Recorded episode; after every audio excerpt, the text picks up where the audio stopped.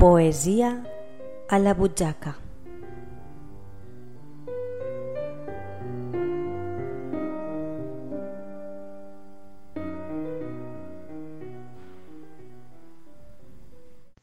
Buenas, soy Lo. Estamos en Poesía a la Buchaca y hoy quisiera rendir un homenaje a las mujeres. Bueno, tengo que confesar que cuando empecé a escribir el programa de hoy mi mente se fue a buscar todo lo que nos queda por andar, en lugar de aplaudir, premiar, homenajear todo el camino que hemos recorrido las mujeres. Y siendo completamente honesta, a ninguna de esas grandes mujeres de la historia de las que os voy a hablar, conozco tan bien como a mi madre, siendo ella en mi historia personal la más grande de las mujeres. Así que para todas aquellas que se sientan identificadas, este es mi homenaje más personal. A mi Santa Madre. Eres tú mi sol.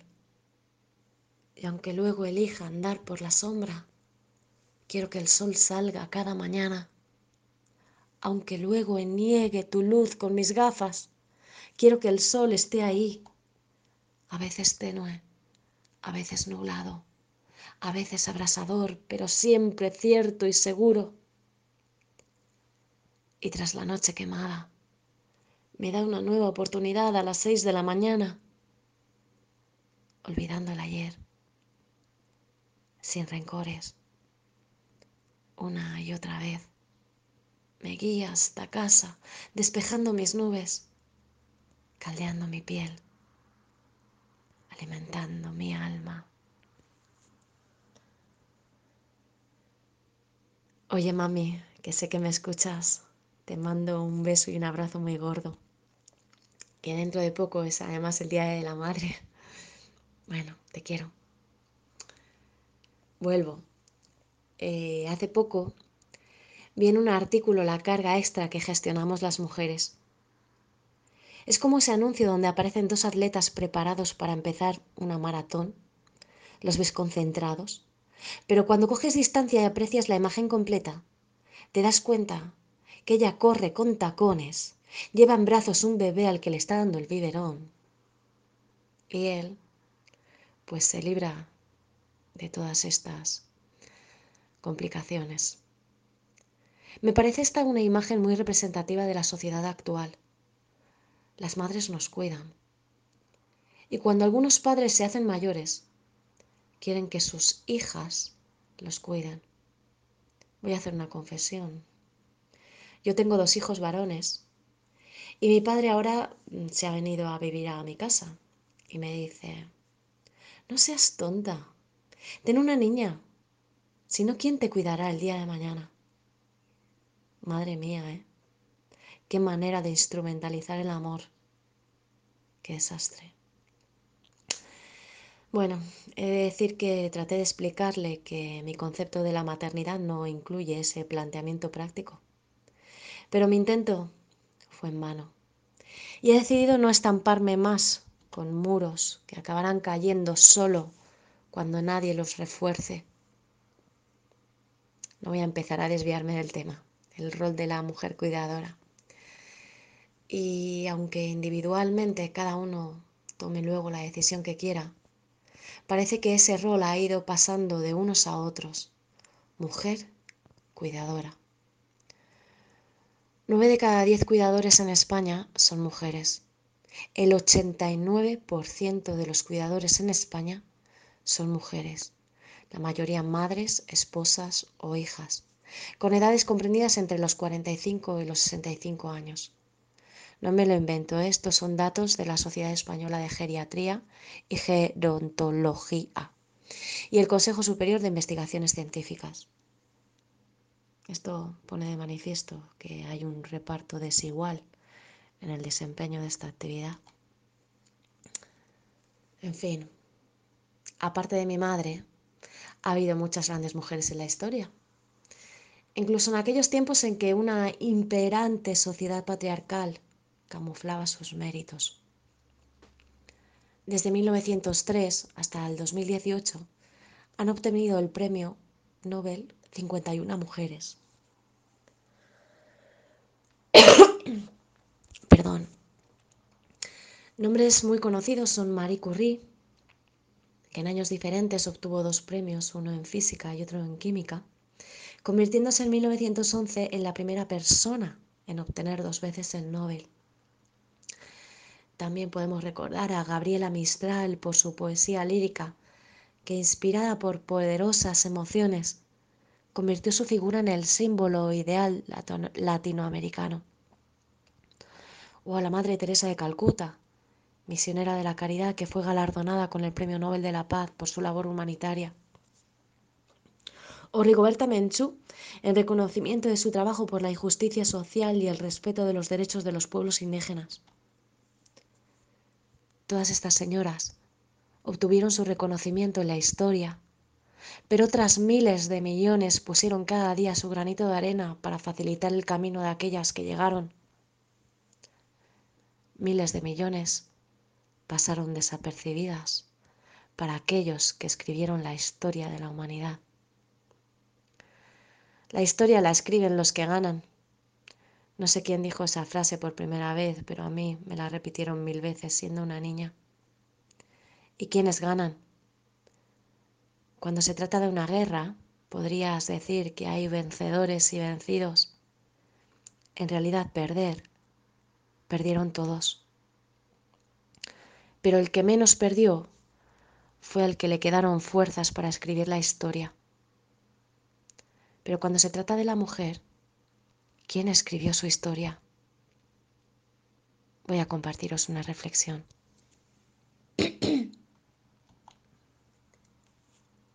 ¿Quién escribe la historia? La historia es selección, mas si eluden tu relato, sientes cierta decepción. Ese afán protagonista es un muro de cristal que limita la empatía y las ganas de escuchar. El mundo no es lo que vives, ni tampoco lo que cuentan. La historia es selección, mas si eluden tu relato, sientes cierta decepción. Historiadores asumen, generaciones difieren, las sociedades sufren, cambian o mueren. Ya no sirven dos posturas que justifiquen los cambios. Se requieren mil detalles de objetiva realidad que desentrañen la ruina de la demencia mundial. Constantemente acontecen nuevos significados para borrar de la historia patrones mal ubicados. ¿Quién decide qué contamos? Cada nueva reflexión abre mil argumentos que no amparan posición. Si los dice el que trabaja con humilde indefensión.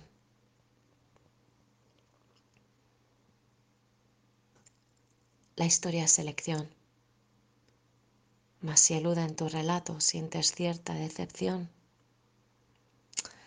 Pues sí, y esto fue lo que nos pasó a las mujeres a lo largo de la historia de la humanidad, eludieron nuestro relato. Muchas voces se apagaron. Nuestra versión se eludió, se camufló. Solo algunas consiguieron resistir, perdurar, sobrevivir y brillar finalmente, alumbrando con su luz el camino de las que llegaron detrás. El poema dice, Constantemente acontecen nuevos significados para borrar de la historia patrones mal ubicados. Bueno, pues de eso se trata, de que entre todos cambiemos los patrones mal ubicados. El primer premio Nobel a una mujer fue en 1903, a Marie Curie. De eso hace poco más de un siglo. Pero mucho antes hubo mujeres que hicieron historia. Voy a contar un caso curioso del mundo del arte. Es la historia de la familia Anguissola Ponsone. Aviso que es mi particular visión poética de esta familia de artistas, y que aunque se base en hechos reales, no deja de ser una adaptación literaria de un pedacito de la historia de la gran pintora Sofonis Banguisola. Os lo cuento. Contra el patriarcado, nada mejor que un buen padre a tu lado. Paradoja parece, pero lógica es, y homenaje merece el buen padre que ve los talentos de sus hijos y los hace crecer. Almicar era el padre, Bianca la madre, y en mil quinientos y pico tuvieron seis hijas y un hijo. Sofonisba, Elena, Lucía, Europa, Minerva y Ana María. Seis flores cultivadas con especial devoción al arte se dedicaron libres en su elección. Lucía pintó y murió demasiado joven, y Esdrúbal, su hermano, le compuso una canción en latín, un pentagrama inmortalizó la oración, llorando a su hermana. Elena encontró inspiración entre pincel y pintura. Dios llegó a su corazón uniendo la Santa Clara en su congregación. Ana María y Europa soltaron esa pasión y los lienzos ya eran solo una ligera emoción. Se casaron felices, pintaron perdices y el cuento siguió. Minerva se hizo escritora. Sofonisba viajó. Roma, Milán, España, su arte causó admiración con su pincel en la mano. Pintora erguida y valiente. Miguel Ángel, Vasari y Rubens Van elogiaron bien el trazo de la diosa del retrato. Sofonisba conquistó, con su talento evidente, sin más modelo que el suyo, pintó su cuerpo desnudo en el cuadro que nadie llegó a vislumbrar, escondido a los ojos de su soledad. Y así quedaron perdidos entre mares de telas, esos paños sin firmar, junto a otros milagros suyos que a otros endosarán.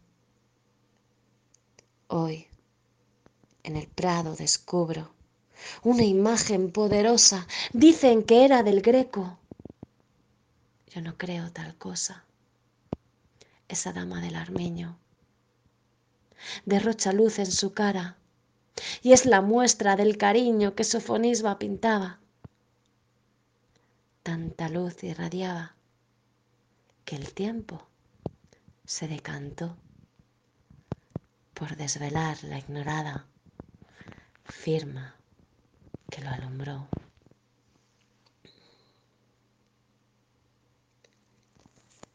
El poema comenzaba haciendo un guiño al rol paterno como figura voluntariosa que desea para sus hijas las mismas oportunidades que para los artistas masculinos de la época. Y las formas y las empuja para que elijan su camino, sea el que sea. Ella empezó conscientemente o no a cambiar los patrones mal ubicados. Estimuló a sus hijas para ser lo que lograron ser. La vida de Sofonisba es apasionante. Su trayectoria resultó un precedente para varias mujeres artistas que habían sido excluidas de la enseñanza académica. Fue internacionalmente aclamada y respetada a lo largo de su historia. Murió en Palermo en 1625, a la edad de 93 años. Tremendo, ¿no? 93 años en 1625.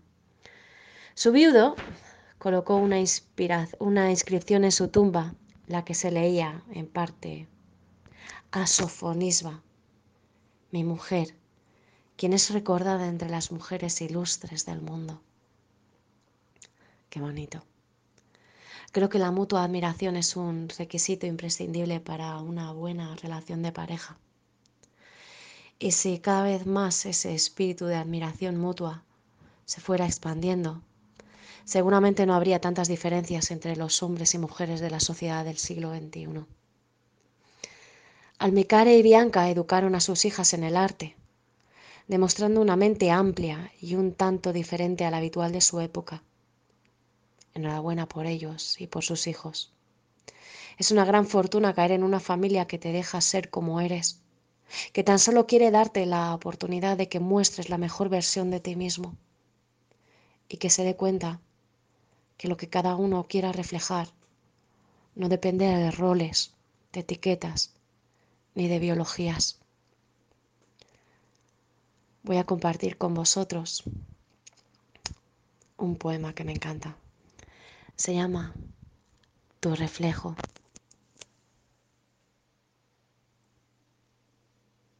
Esta es la historia de un reflejo diferente, un reflejo tardío de gracia envolvente.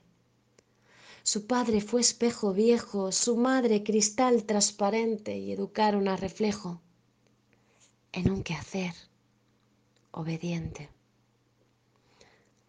Pero reflejo tenía una lente escondida y en su intimidad hacía más bella la vida. Un día su madre descubrió su realidad y cristalina como era no pudo evitar llorar, conmovida por la imagen proyectada, virtual. Y hablando emocionada con su marido, el espejo se opacó confundida por el viejo convexo e invitaron a reflejo a limitarse a imitar y cumplir con el programa de aceptación general. Pero un día, en la calle, reflejando a los demás, decidió sacar su lente y mostrar su realidad, esa que lo hacía un ser excepcional, un reflejo diferente, que invitaba a mirar lo mejor de cada uno en la luz de los demás. Y siguió reflejo sus trece, proyectando su verdad, que no hacía daño a nadie, pero invitaba a pensar la multitud de reflejos que se niegan a brillar por temores camuflados en falsa seguridad. Esta es la historia de un reflejo pionero que reflejó su alegría templado por el esmero de ser fiel a su valía. Y siendo reflejo valiente, creó una escuela de lentes de amplia diversidad donde crecieron con fuerza reflejos por inventar que llenaron de luces el mundo y brilló en la oscuridad.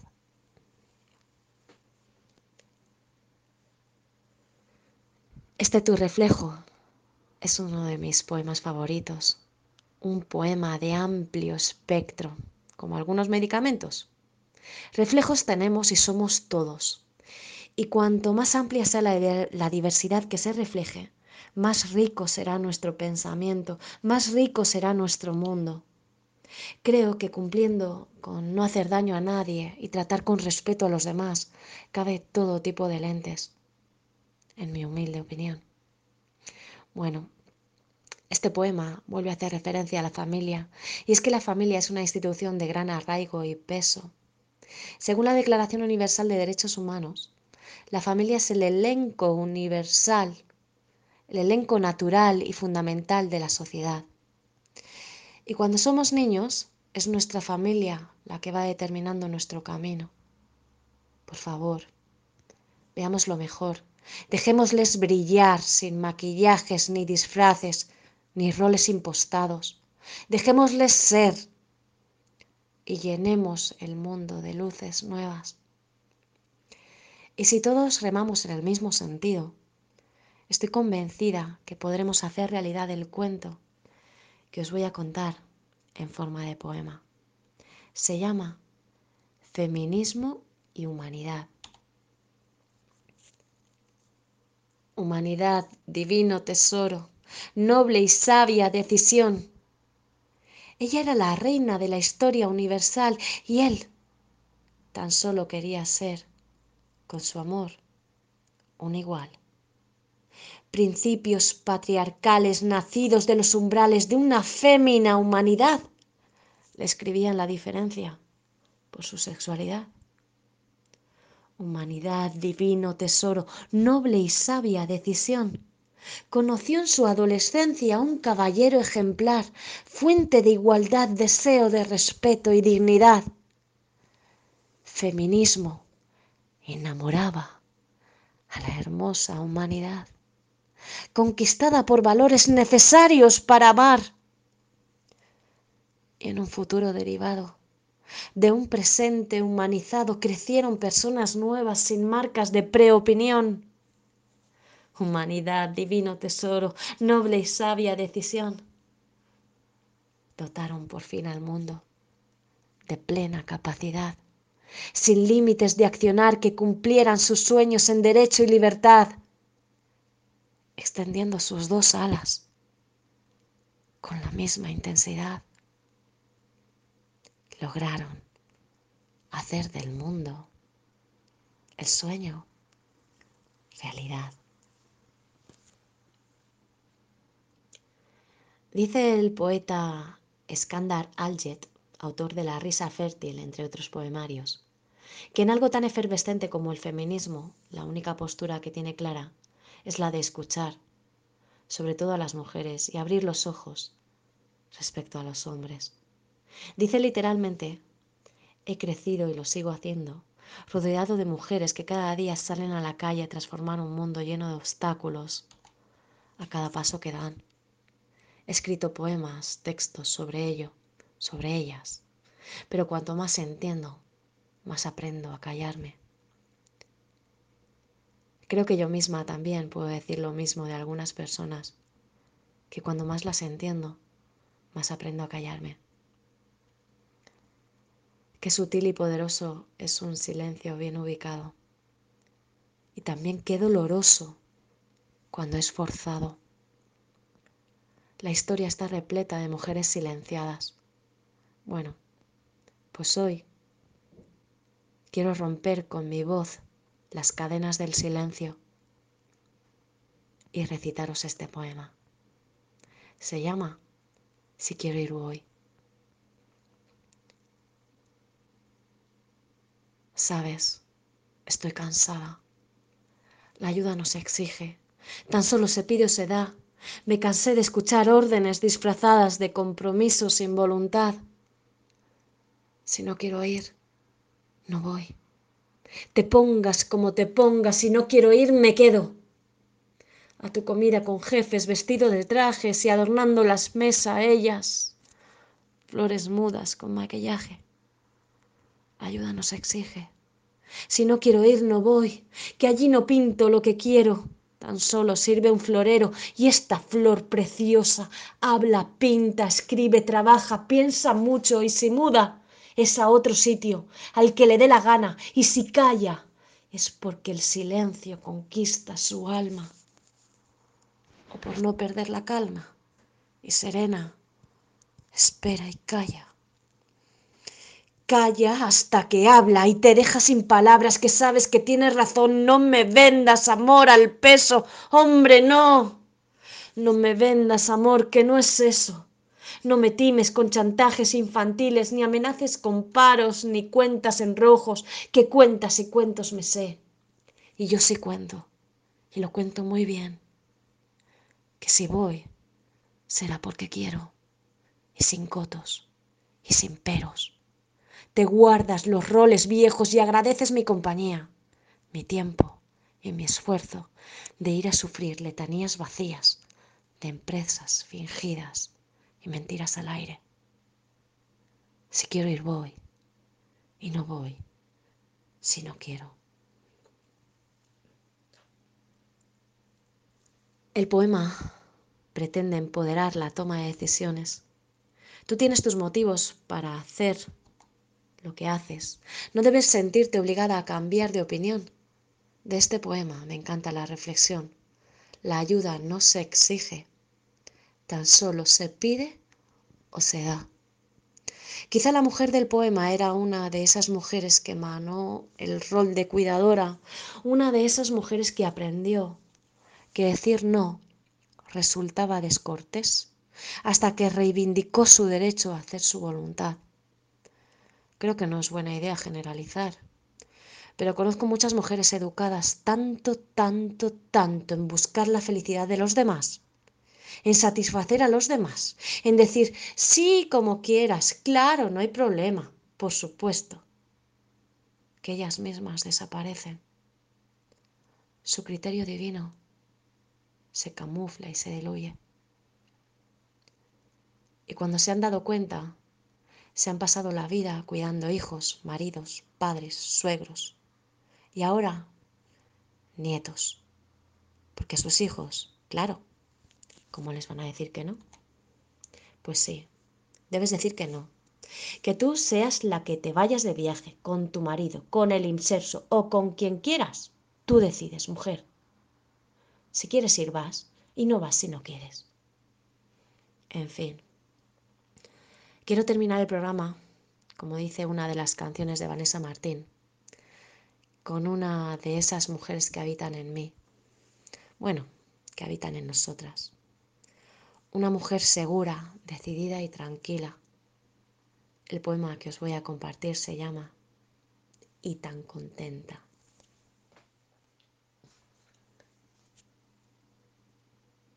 Y nadie entiende. Cuando cedes tu espacio, cuando sueñas en alto, cuando hablas despacio, cuando bailas sin paso y el santo está en tierra. Cuando comes sin prisa, cuando sigues sin señas, cuando eres la brisa de la misa que enseñas, sin guion ni banderas. Cuando alumbras sin velas, cuando escuchas sin cascos, la vida entera. Cuando besas sin trucos y sin cambios regalas. Nadie comprende que afloran tus sabias, sabias. Y bueno, con este poema terminamos el programa. Ese es el mensaje que quisiera que anidara en ti. Sueña alto y sé tú quien marque tu paso y alumbra con luz propia tu camino. Deja que cada uno proyecte su sueño. No seas tú la proyección del sueño de otros, ni disperses tu atención tratando de imponer los tuyos. Y si se cruzan en tus sueños, pues ¿qué le vas a hacer? Disfruta de la compañía, si es para bien, o reescribe tu mapa. Recuerda, tú eres el único ser que puede dibujar tus sueños en el cielo con la esperanza de haber tocado vuestros corazones. Me despido de vosotros hasta dentro de 15 días, donde seguiremos pintando los caminos con más poesía. Un abrazo fuerte y hasta pronto.